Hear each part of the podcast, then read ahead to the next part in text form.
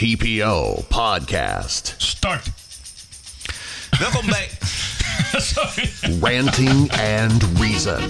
Bert Bruson, Roderick Balo. Welkom bij de nieuwe TPO-podcast. Dit is aflevering 9. Het is maandagavond 10 april.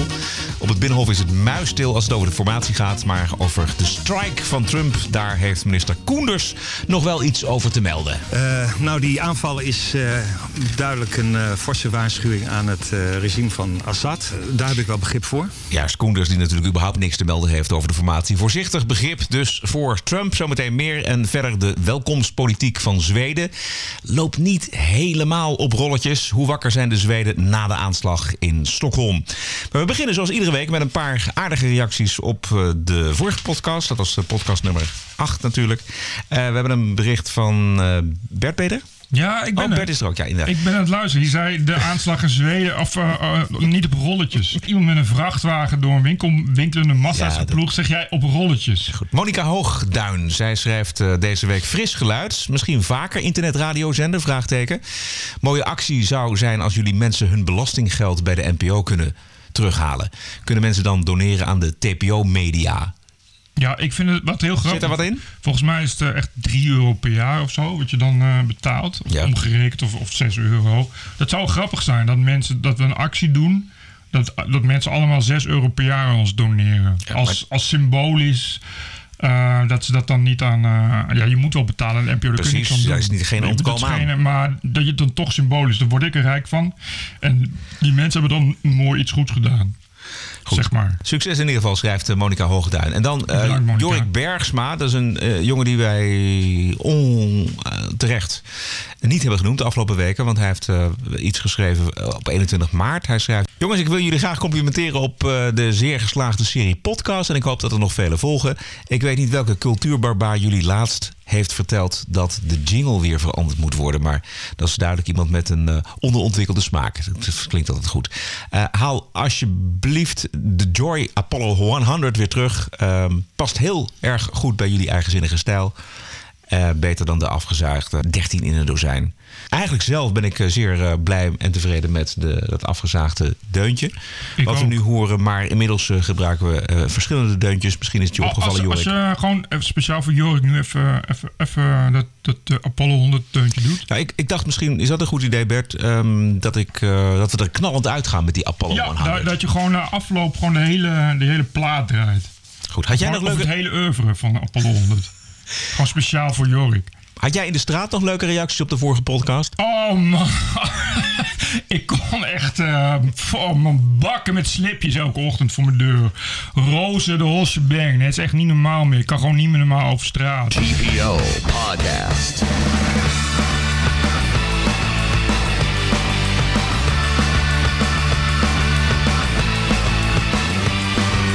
Ranting and Reason. De gifgasaanval door zeer waarschijnlijk het Syrische leger zorgde voor walging en afschuw afgelopen week. De Europese Unie kan natuurlijk niet anders dan een veroordeling in woorden. Maar de Amerikaanse president Trump die heeft Tomahawk-raketten tot zijn beschikking en die weet ze ook te gebruiken. Minister Koenders toonde begrip voor het gebruik van de Tomahawks. Uh, nou, die aanval is uh, duidelijk een uh, forse waarschuwing aan het regime van Assad. daar heb ik wel begrip voor. Begrip, maar geen politieke steun. In Nederland, zoals u, zoals u weet, zijn er altijd woorden over politieke steun geweest in, uh, in het verleden. Daarom gebruik ik nu heel duidelijk het woord uh, begrip. Ja, Bert. een voorzichtige duim voor Trump. Zegt hij dan nou echt zijn nou een, een PvdA-minister die begrippen heeft voor een raketaanval met 59 Trump Tomahawk missiles? Ja. Uh, op een basis van een regime waarvan nog steeds niet bewezen is dat die regime die gifgasaanval heeft uitgevoerd. Waarvan Trump vindt dat dat zo is. Waarvan andere mensen vinden dat het zo is. Ja, ik vind het nogal raar. Ik vind het sowieso... Ik Jij gelooft dat niet? Dat dat, nou, dat ik geloof dat wel. Maar wat ik vind is dat het heel raar is. Uh, dat hebben we namelijk als eerder meegemaakt. Toen ging het om uh, uh, wapens, massavernietigingswapens. Ook in een Midden-Oosters land. Waarvan absoluut zeker was dat ze er waren en dat het uh, een uh, invasie rechtvaardigde. Uh, daarvoor liep volgens de hele pest erachteraan dat het zo waar is. En iedereen die niet zei, was een, toch wel een beetje fascist. Want die gasten, hoe heet die, Hussein, Saddam Hussein in Irak, was een hele nare dictator. Nu hebben we weer hetzelfde. en er, er zijn waarnemers die gewoon het tegenovergestelde zeggen. Die zeggen, en daar vind ik wel wat voor te vinden, die zeggen van, goh, het is wel heel raar als je nu ineens, als je Assad bent, zo willekeurig op zo'n klein gebied ineens sarin gaat inzetten. Nou ja, dat, heeft, hij, dat heeft hij eerder gedaan, Bert. En, en Saddam Hussein oh. heeft dat ook eerder gedaan. Uh, ja, dat is dan dus de vraag achteraf. Dat vind ik dus echt serieus. Ik dacht er vandaag over. Uh, wat hebben we eigenlijk allemaal geloofd wat achteraf niet waar nee, was? Waarvoor redenen waren dat, dat andere mensen dat deden en dat we vonden dat we dat moeten geloven. Nee, de, wat de massavernietigingswapens betreft, daar heb je gelijk in. Maar, ja, maar misschien zeggen, was het ook wel zo bij andere dingen. Ja, dat, dat, dat wilde ik net zeggen. Dat wil niet zeggen dat, dat automatisch uh, Saddam Hussein een voorbeeldige dictator was. Nee, nee dat, vind ik ook niet. Ik vind ook niet, en dat is bij Assad ook zo. Dat is, het blijft een dictator. Maar dat is wat anders dan dat je direct, zonder daarvoor enig bewijs te hebben. Ja, ik, dat, er, is toch, er zijn toch regels, uh, rules of engagement, dat je een zekerheid moet hebben. Althans, ik, of gaat dat niet via de Verenigde Naties? Ik weet niet wat nou Amerika kennelijk een soort carte blanche heeft om overal bom op te gooien. Nou ja, Saddam Hussein heeft het ook. Ik bedoel, bedoel wat, wat, waar hebben we het over? Er wordt gezegd, ja, dit is een rode lijn, die gaan we niet overheen. Ja, maar, wat nou, maar als je dat dus niet weet dan gooi je dus dan gooi je kruisraketten op, het, op basis van het feit dat hij wat hij niet heeft gedaan. Hoe weet je nou dat hij het heeft gedaan dan? Dat, als dat niet zeker is, is het toch heel raar om op basis daarvan dat soort dingen in te zetten? Ja, stel, dat, stel dat over een week uitkomt dat het toch uh, de, de zogenaamd gematigde extremisten, die bestaan trouwens niet gematigde extremisten, maar goed, de, de, bondgenoten van, van Europa en Amerika in deze strijd, stel dat die het waren, dat die inderdaad gewoon zelfstandig gifgaspaad hebben opgetrokken, of dat het inderdaad zo is wat wordt gezegd, dat er bommen vielen op een gifgasfabriek. Weet je, waar sta je dan? Ik, ik, ik ben het volledig eens met jouw twijfel. En ik vind dat je daar ook voorzichtig in moet zijn. Maar uh, wat ik heb begrepen van wat ik erover gelezen heb, is dat uh, dat saringas, waar alle bewijs voor is, dat dat ook saringas is geweest, dat is zo'n instabiel gas, dat, dat ga je niet, daar, daar kunnen rebellen kunnen dat niet in een fabriekje fabriceren. Dat moet je echt. Daar nee, moet je het echt... lag er al. Dat is, dat is inderdaad dus niet het probleem. Het, is in, het lag daar inderdaad opgeslagen. En daar is gebruik van gemaakt. Bijvoorbeeld, is een idee dat de rebellen daar. Die weten namelijk ook wel donders goed.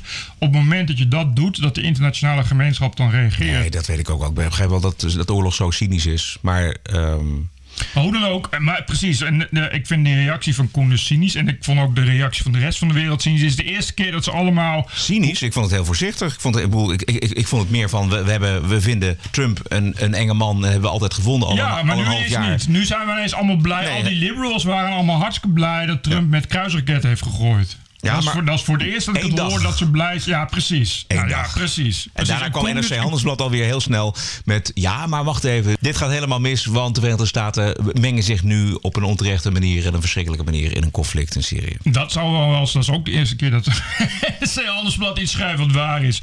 Dat zou inderdaad wel eens kunnen zijn. Nee, maar ik bedoel, het waren echt, echt serieus... al die liberals die al die tijd hebben lopen janken... dat Trump president was... stonden nu ineens weer braaf te klappen. En dat heeft dus te maken, vind ik, met dat hele narratief van deugen van er is één de fout en dat is Assad. Die bovendien bevriend is met Rusland, die is ook fout. Dus dan, als het dan gebeurt, dan is het allemaal oké. Weet je, dat is dus het probleem. Dus bommen en raketten zijn wel oké, zolang het maar wel op de goede is. Oké, daarom vond jij ook zo interessant het uh, gesprek van Koen Verbraak op Radio 1. Heb je een fragment? Ja. Uh, wat we horen is Koen Verbraak in gesprek met deze mevrouw. Ik, weet, ik weet, niet welke datum en welke zender het was. Het is gewoon Radio, Radio 1, denk ik. En er was, het lijkt erop alsof uh, Koen Verbraak tijdens het gesprek pas in de gaten heeft dat de mevrouw waar, ze, waar hij mee praat aan de verkeerde kant staat. Maar ik moet concluderen dat u dus een Assad-fan bent. Ik ben niet Assad-fan, ik ben een Syrische. Uh, daar is mijn vaderland. Ik maak me zorgen over het land waar ik geboren en getogen ben. Ik wil Syrië niet zien zoals Irak en Libië en Afghanistan. U zegt Daar geen Assad-fan, maar wat, wat bent u dan wel? Want in, in Syrië, de fan dat, of een, een, een Syrië-aanhanger... Ik sta dat, achter Assad omdat hij is uh, de legale president van Syrië. Omdat hij probeert zijn best om zijn volk te beschermen tegen de islamisten... die gesteund zijn door het mhm. Westen. Ja. Ik sta achter het uh, Syrische leger omdat hij verdedigt het vaderland. Maar wat wij net zien de afgelopen jaren is een president die onafgebroken zijn eigen bevolking bestookt. Als het zo is, Waarom is het nu zes jaar en hij is nog aan de macht? Wat gebeurt hier? Nou ja, die Koen eh, er gaat nog iets aan vooraf. Of, of gaat iets aan vooraf. Hij heeft uh, aan die mevrouw aan de telefoon. En die mevrouw die is, is al jaren geleden naar Nederland uh, vanuit Syrië ingekomen. En die volgt dat soort dingen dus op de voet. Dus hij denkt een gesprek te hebben met iemand ja, die dat gaat vertellen. En die dan natuurlijk, want die is, die is gevlucht, dus Syrische. Dus die zal wel tegen Assad zijn. En dat zit ook, dat narratief, dat verhaal, hè, zit er dus, dus, dus echt genetisch diep in bij die journalist. Dit is natuurlijk Koen Verbraak, NPO Radio 1 is natuurlijk, het eikpunt van een oude journalist. Het is geen mogelijkheid dat het anders had kunnen zijn dan dat hij weet dat Assad gewoon alleen maar fout is en de, rest goed. Weet je, het is echt een zwart-wit wereldbeeld. En die vrouw die zegt van ja. En, van ja, maar, maar uh, hij zegt van ja, weet je, uh, Assad is toch terecht en uh, gifgas. En die vrouw, die, het eerste ook wat ze zegt, dat hoor dan niet op die fragmenten van ja, maar dat is het beeld in het Westen wat jullie ervan hebben dan hoor je me ook twijfelen van ja, maar dat, dat is toch het juiste beeld. En dan is dus, ja, dan ben je een, een Assad-fan. Wat ze ook uiteindelijk is, hè? Nou, dat is dus, in, als je het verder luistert, dan vertelt ze dus. En het gaat ook over dictatuur. Dat, want hij probeert dan de hele tijd te zeggen van ja, maar het is toch een dictator. En dan zegt die vrouw ook, ja, dat is zo. Alleen, ik ben christen. En de enige in Syrië die mij uh, beschermt tegen het oprukkend islamisme is Assad. En zij zegt ook van, je hebt dictators en dictators. En voor ons in het Midden-Oosten is het niet een andere keuze. En wij komen dus dan kom je dus terecht bij Assad, die, weet je, die zoveel mogelijk seculier is. En dat is heel interessant. Ja. En dat zat er niet in, in die gedachte van, nee. van Koen Verbraak. En die, je hoort hem dus in de waar van, ja, de, nu vertelt iemand iets wat niet de bedoeling was. Want we hebben een simpel verhaal, namelijk Assad. En dat is wederom een soort nieuwe Hitler die, die moeten we bombarderen, punt. Ja. Ik begrijp, ik begrijp. En ik begrijp. Zegt, daar, zegt van het is veel ingewikkelder dan dat. Juist. Er gebeurt iets waar, waar het Westen dan ja. dat geen aandacht aan besteedt. Maar dat is dus het probleem. Ja, dit ondergraaft inderdaad het zwart-wit denken over uh, Syrië. Wat, wat een veel te ingewikkeld conflict is om zwart-wit over te denken. Natuurlijk, daar ben ik met je eens. Maar laten we wel wezen, Assad is natuurlijk ook een onwaarschijnlijke schoft. Nou ja, kennelijk. Ja, kennelijk, dat weten we toch. We hebben toch... Eh, Bert, luister nou eens even. We weten al, al vier jaar, vijf jaar dat die oorlog gaande is. We weten ook hoe die ontstaan is. We weten dat, het, dat dit een, enorme schurk is. Ik weet ook dat de Syrische christenen onder hem een beter bestaan hebben dan onder, dan onder de islamisten. En ik weet ook dat die burgeroorlog uh, heel veel slechte uh, extremisten uh, teweeg maar heeft luister, gebracht. toen Oost-Aleppo werd bevrijd, waren mensen stonden te juichen van het, voor het Syrische leger. Dat is dus de gemene dictator waar de mensen wel staan te juichen voor, het, voor, zijn leger. Hoe raar is dat? Maar wat, hoe komen die beelden dan hier? Wat zijn dat dan voor beelden? Ja, wat zijn het? Nee, eh, hoe bedoel je, wat zijn het? Je, je moet ook niet naïef zijn in nee, de zin. ik ben naïef. Alleen ik, ben ook, ik wil ook niet naïef zijn om alleen maar dit soort propagandakoek als, als zoete koek te slikken. Want dat is wat er gebeurt. Er is een propagandaoorlog gaande waar heel veel belangen in zijn gemoeid. En dus ook dat we hoe dan ook uh, Assad als een, als een dictator. Wat, wat, het is niet erg om als dictator te zien. Het probleem is alleen dat er nog iets anders gaande is. En dat zijn namelijk uh, islamisten. Een islamitische strijdende partij. Dat is overigens wat die vrouw ook vertelt. Ja, die burgeroorlog die uitgebroken is brak wel uit op een moment dat Assad en die regering Assad bezig was met, met de seculariteit verder aan te scherpen. Dus hetzelfde als wat destijds in Iran gebeurde. Namelijk islamitische milities die het toch tijd vinden worden om de theocratie toch maar weer te herstichten. Dat is dus een probleem en dat wordt niet genoemd. Dan, dan zeggen we ineens van ja, gematigde rebellen. Maar die gematigde rebellen, uh, en dat zijn echt, echt facties die, die daar spelen. Dat zijn allemaal gematigde rebellen die het echt hooguit erg leuk vinden als je als vrouw onder een boerka leeft. Nou, Weet je, en de, de gematigdheid bestaat erin dat je wel of niet met een stok mag slaan tegen een vrouw, omdat het een vrouw is. En dat is het probleem en dat hoor je niet, want Assad is een dictator. Weet je, alsof de bevrijding van een dictator door een andere dictatuur, alsof dat zoveel beter is. Maar, zo ging het, maar zo ging het toch ook dus in Iran. Dat was de Shah, dat was een hele nare gemene onderdrukker. Nou, dat werd me toch een feest met de Ayatollahs. Ja. Daar werden inderdaad anderen onderdrukt. Maar ook dat neemt niet weg.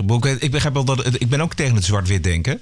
Maar we moeten ook niet het, het zwart-wit denken omdraaien. Nou, Want kijk, eh, die Shah was, dat was ook een, een, een schofte eerste klas. En die heeft ook heel veel mensen uh, vermoord en onderdrukt. Ik bedoel, het ene kwaad is niet te vervangen door het andere kwaad. Nee, en, en, met, met Assad uh, eruit nee, is, is, er geen oplossing. Zo wordt het nu wel gebracht. En wat ik heel belangrijk vind, is dat het heel moeilijk is om, om, daar, om daar degelijke bronnen van te vinden. Maar het wordt de hele tijd gebracht alsof dat waarheid is.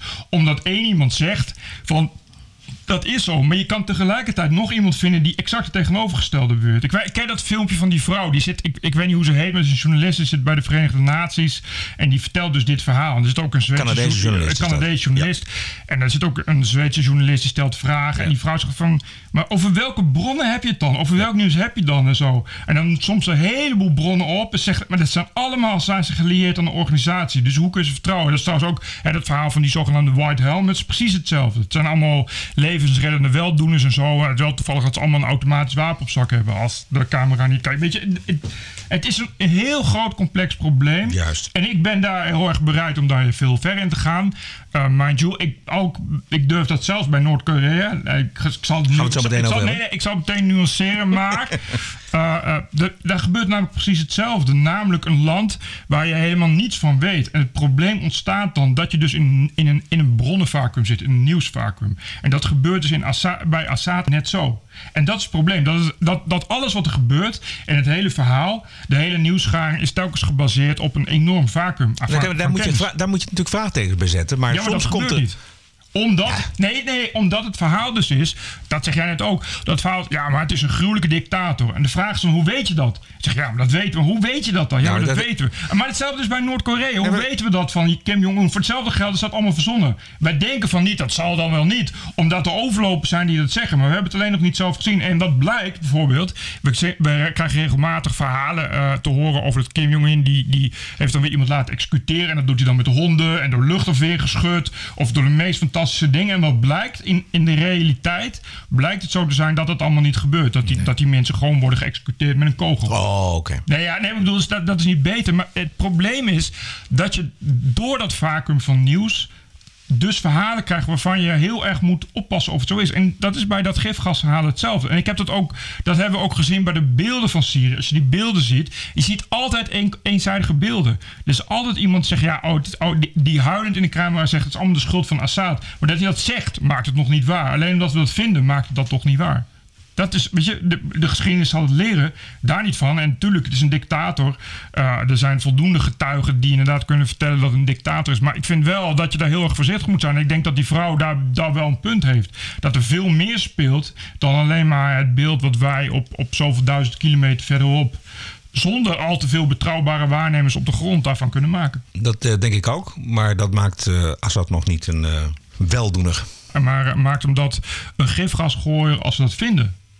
Dat hij, dat hij gifgas heeft gegooid. Als, iemand, als ik eh, hier een handgranaat dat ontploft en ik loop naar huis, dan zeggen mensen: ja, dat is Roderick Velo heeft hem een handgranaat gegooid. En alleen omdat jij het bent, omdat mensen toevallig jouw buren jou toch al een hekel aan je hebben, heb jij ook die handgranaat gegooid? Of zou je dan moeten zeggen: nou, ik ga toch nog onderzoeken wat daar gebeurd is eigenlijk? Misschien zijn er wel meerdere mensen die met meerdere belangen hebben. En een reden hadden om hier een handgranaat te gooien. Zoals er meerdere mensen met meerdere belangen zijn die een reden hebben om daar met gifgas te gooien.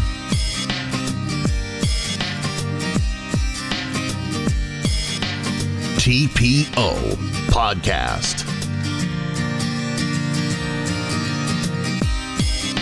Hoe doet hij dingen uit elkaar houden? Eén, uh, of het terecht is dat wat, wat, wat Trump gedaan heeft, namelijk die Tomahawk-raketten erop afsturen. En uh, zijn rentree of zijn entree misschien wel op het wereldtoneel? We, volgens mij moeten we vooral kijken wat daar de gevolgen van zijn. Want ik begrijp wel dat. Weten we nog niet. Ik bedoel, hij heeft een, uh, een militaire basis gebombardeerd waar zeven ja. mensen om het leven bij zijn gekomen. En voor de rest volgens mij nou, heel ja, veel maar, vliegtuigen. Ja, maar de Russen reageren daar dus ook op. Dat is, die hebben dus nu al gezegd van als je dat nog een keer doet, dan gaan we terugslaan. Dat, ja, en Amerika heeft gezegd, nou, dit is eenmaal, eenmalig. Het voert dus wel de spanningen op. Ja, zeker. Dat is natuurlijk wel een, uh, een uh, iets wat, wat uh, hoe dan ook uh, nog meer consequenties gaat ja. hebben, vrees ik. Ja. Maar uh, hadden we dan te zeggen van uh, dit had niet mogen plaatsvinden en we gaan over tot de orde van de dag? Uh, nee, ik, ik, ik, weet ook de oplossing niet, maar volgens mij. Het nee, maar er is, er is echt niet een oplossing. Nee, dit, dit, maar, maar dan hadden we ook dan zes. Bedoel, het zijn wel 200.000 burgerdoden inmiddels. Dat hadden we. We hebben zes jaar geleden zeiden we al van moeten we daar niet wat doen, want er nee, gebeuren ja. gruwelijke dingen en toen ja. gebeurde er niets. Want het, want het verhaal was telkens ja, maar ja, als we ons daarin mengen. Hè, wie weet wat er dan verder gebeurt. Het is allemaal hartstikke gevoelig. Nee, dat klopt. Maar de, uh, gifgas op burgers, dat is misschien een, uh, toch een, om het met Obama te spreken, een rode lijn. Daar, daar, dat moeten we niet accepteren.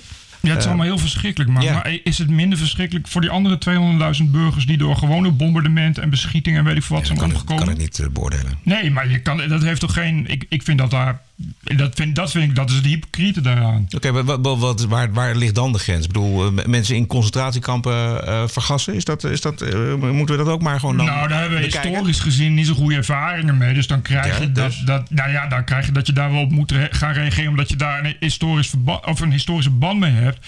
Maar, maar waarom hebben we daar niet eerder gereageerd? Hoezo is er ineens een rode lijn? Ja, bedoel... Nou ja, die, die, die, rode lijn is er omdat Amerika zich, omdat Obama, de vorige president, zich daar niet mee heeft willen bemoeien. Die heeft gezegd er is een rode lijn, want dat is gifgas. En vervolgens is er gifgas gebruikt.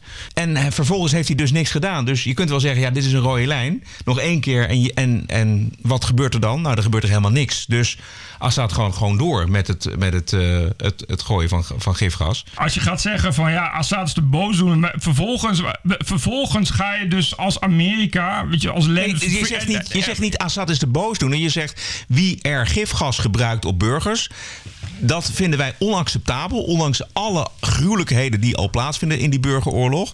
Maar dan zeggen wij, dat mag niet gebeuren. Daar trekken wij onze lijn. Dus je kunt de grens ook stellen, de rode lijn ook stellen bij. Als, er, als jullie concentratiekampen gaan oprichten en er, wordt, uh, er worden mensen met gifgas uh, om zeep geholpen, uh, machinaal, dan is dat onze grens. Maar de, de grens is een grens. En, als, en daar aan een grens zitten consequenties. Als je die rode lijn dan wil trekken, dan moet de consequentie zijn dat je dat, je dat land ingaat. Waarom? En die burgers gaat bevrijden. wat, wat, heb je daaraan? De gooi kruisraket op, op, op straaljagers. Ja, nou, dat zal je zorgt in ieder geval. Ja, dat, dat zal zeker uit, uitkomen. Nee, dat is een symbolische daad. Helemaal niet. Wat die had je dan ook eerder kunnen doen. Nee, ja, dat, natuurlijk had alles eerder gekund. Maar bedoel, die vliegtuigen die kunnen niet meer worden gebruikt voor gifgasaanvallen op burgers. Dat is het signaal en dat is, dat is ook het, het, het praktische gevolg ervan. Ja, ik, ik, ik snap het nut ervan. Maar ik vind als je uh, een rode lijn trekt, dus als je zegt van ah, ik, ik wil niet dat er gifgas uh, wordt gebruikt of dat er mensen in concentratiekampen worden gestopt, dan moet je ook iets gaan doen. Weet je, maar, maar alleen maar met kruisraketten gooien is volstrekt zinloos. dat is, dat is laten zien hoeveel je deugt zonder dat er iets wordt opgelost. Helemaal niet. Helemaal dan niet, moet je, maar nee, dan moet je boots on the ground gaan zetten. Wat, wat is hier mis aan? En ja, dat heeft niet zoveel. Volgens mij maakt het allemaal niet zoveel uit. je, als, je, als je wat vliegtuigen opblaast, dan, zal toch niet. Assad zal er niet van wakker liggen, denk ik. Hij kan niet nog een, een derde actie doen met gifgas op burgers. Overigens, eh, weet je, kijk, als, het, eh, als het allemaal zo goed gesteld hebben met die arme burgers van Syrië, waarom steunen we dan de hele tijd die zogenaamd gematigde rebellen die door Saoedi-Arabië gesteund worden, onder andere? Weet je, misschien kun je het daarover hebben. Dat je, er worden nu door Amerika en door de Westencoalitie gesteunde uh, semi-ISIS-types worden uh, opgeleid om straks de macht over te nemen in Syrië. Alsof de mensen daar beter mee af zijn. Volgens dat begrijp ik niet. Is het een ruilen voor het andere is, is prima. Gifgas mag niet. Nee, maar, daar... maar, de, maar kalifaat stichten is geen enkel probleem. Nee, maar daar waren het volgens mij over eens. Ik bedoel dat het, dat het niet zwart-wit is. En dat, en dat, als, maar dus is het symboolpolitiek per definitie. Nee, helemaal niet. Dan kan je net zo goed één kruisraket gooien, is ook voldoende. Nee. Het is, het, is, het is beter om alle vliegtuigen die gifgas kunnen vervoeren van Assad uh, te vernietigen. Ja, dan één. Het is één basis. Het, bedoel, is toch niet, niet, toch niet meteen alle, alle, alle vliegtuigen vernietigd? Nee, je hoeft niet alle vliegtuigen. Maar dit, dit, dit was nou juist de basis, de militaire basis, wat ik heb begrepen. Waar die vliegtuigen die gifgas kunnen vervoeren. Want dat kan ook, kunnen ook niet alle straaljagers. Uh, uh, van, van opstegen. Dus als je die basis vernietigt, ja, dat is prima. Laten we even luisteren naar uh, het commentaar op Fox News over de draai van Trump. Here's what I think about President Trump, though. Is it's yet another example. I heard you say earlier in the show. Uh, now that he started some military action, will the skepticism come in after the the yeah. rah rah cheer? Uh-huh. Fine, uh, yes, and it should. But you know what? I think it's been flipped in this administration because much of the mainstream media has been so anti-Trump. Right. The skepticism came before the military action. The skepticism was he's not even a legitimate president. I'll give you three examples. You know, it's right. the narrative that he's crazy and out of control, and then meanwhile he does very calm, strategic right. strike here. And number two, what about all these stories about Rex Tillerson? He's a nobody. He can't do anything. He's going to Moscow in a couple of days. Ja, het, het, was inderdaad. Het is een gek die met zijn hand op de rode knop zit. En zo nu zie je, hij heeft inderdaad keurig wel geteld 59 kruisraketten. Dat zal niet voor niks zijn, dat aantal, neem ik aan. Dat zullen het aantal straaljagers zijn wat op die basis stond. Weet je, ik bedoel, niks rode knop en zo. Het is inderdaad verder heel kalm en, en, en netjes bekeken en berekend. Dus wat dat betreft. En, maar hey, nogmaals, ik, vind, ik blijf het hypocriet vinden. Uh, uh, dit hangt er maar vanaf wat hij gooit. Kijk, daar, daar zit ook voor mij toch wel een beetje uh, het pijnpunt dat het wel goed uitkomt, zo'n gifgasaanval. Dat zei net ook al. Het levert wel de beste beelden op die dat soort dingen legitimeren. Ik bedoel, als je een reden wilt hebben uh, om oorlog te voeren, dan moet je vooral beelden hebben van kinderen die gecrepeerd zijn in saringas. Maar los van de beelden, is het wel echt gebeurd? Ja, nee, het is wel echt gebeurd. Ook al ben je niet betrokken bij oorlogen in het Midden-Oosten of doe je een hoofddoek om op bezoek in Iran. En stel je grenzen jarenlang wagenwijd open voor vluchtelingen en andere asielzoekers. Moslimterroristen slaan geen deur over. De Zweden moesten hun gastvrijheid afgelopen vrijdag bekopen met een terreuraanslag. De dader was een afgewezen asielzoeker, Oezbeek moslim-extremist. De Zweden durven openlijk nu te twijfelen of ze wel iedereen binnen moeten laten. Wat je nu ook ziet bijvoorbeeld is discussies over uh, vluchtelingenbeleid. Uh, Zweden heeft grote aantallen vluchtelingen opgevangen. Ziet zichzelf nog steeds als een, ja, zoals ze zelf zeggen, een humanitair grootmacht. Hè? Een klein land dat uitblinkt uh, in het helpen van mensen in nood. Maar ja, mensen vragen zich af of ze niet naïef zijn geweest. Dit was Radio 1-correspondent Rolien Creton vanmorgen op de radio. Ik denk dat zij zich nog mild uitdrukt. Het is, wat, het is al een tijdje aan de gang, ook in Zweden. Een gedeelte bovendien. De, de groei van de Zweedse PVV is ook al, eh, al lange tijd gestaag in opmars. Dus het speelt al langer.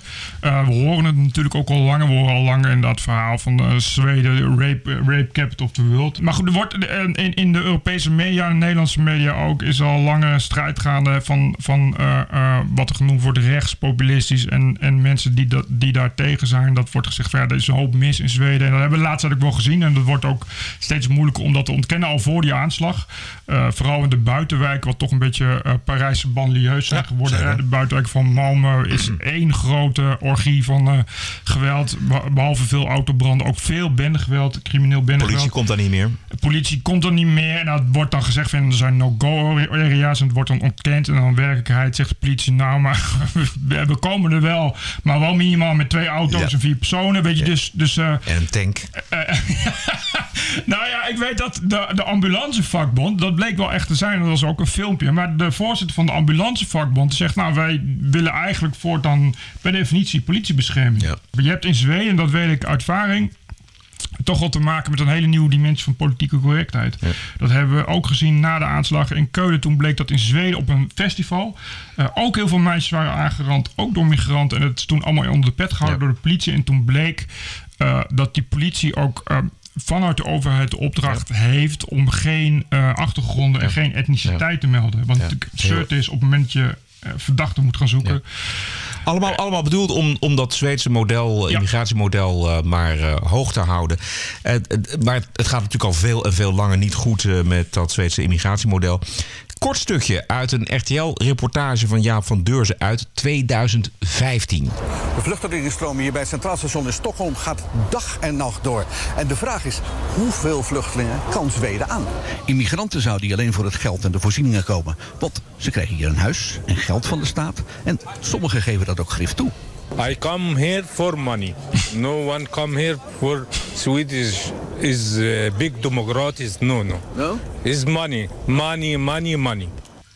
Ja, ik, ik heb wel zoveel van dat soort films gezien, inderdaad. Die, die, die migranten ja, die inderdaad zeggen van... Uh, ja, lekker wijven, gratis geld. je kan niet doen wat je wil. Ja, ja tuurlijk. Ja. We, komen, we, komen, niet voor de democratie. Dat, dat interesseert ze toch echt uh, de vellen.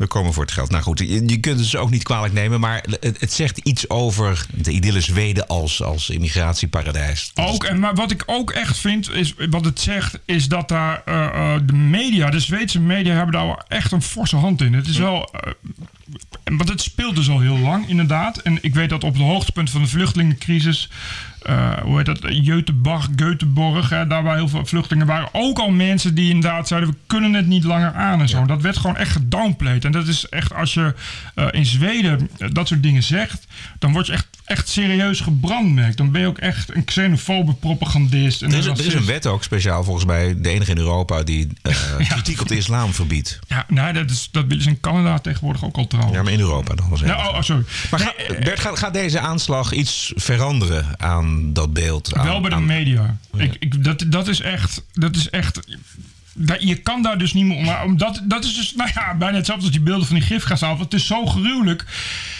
Je kan daar niet los van komen. Je kan natuurlijk niet uh, die aanslag laten zien en die aanslag verslaan. En die ontzettend gruwelijke beden, uh, beelden die inderdaad typisch in het hart van het, van het Zweedse idyllische winkelpubliek op zaterdag je kan daar niet loszien van, van die immigratie. Je kan het niet loszien van die vluchtelingen. Je kan het niet loszien van het geweld in de buitenwijk. Je kan het niet loszien van wat al die mensen al jarenlang roepen.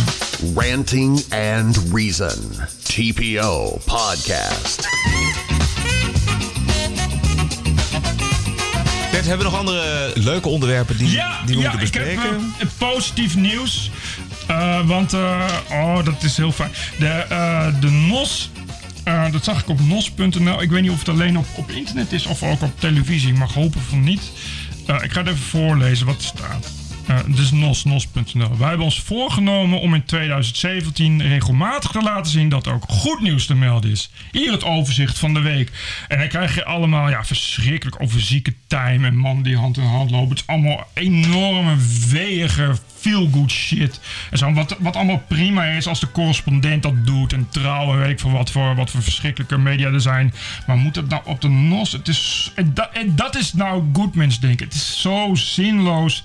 Weet je wel, begin dan geen nieuws zenden. Begin dan een, een, een, een leuke uh, of zo. We hebben 200 jaar gedacht dat... Uh goed nieuws geen nieuws is geweest. Nou, NOS probeert nu het tegendeel te bewijzen. Ja, maar dat is iets wat in op, uh, echt al heel erg in opmars is. Van we moeten uh, uh, constructiever zijn. En daar, daar zou je nog af en toe nog wat bij bedenken. Liever niet. Maar als het dan echt moet, als ik daar echt begrip voor moet gaan indenken. Maar niet goed nieuws, alstublieft. Want dan, want dan krijg je dus dit. Dan krijg je man niet gebeten door hond.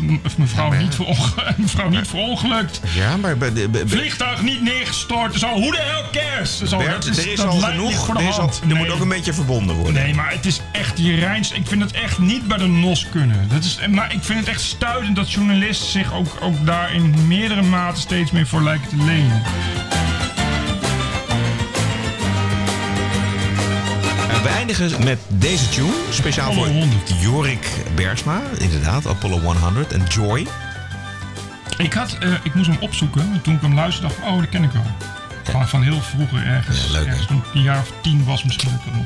Ja, Echt zo'n zo'n overblijfsel van de jaren 70, wat nog stiekem de jaren 80 in is gecijferd.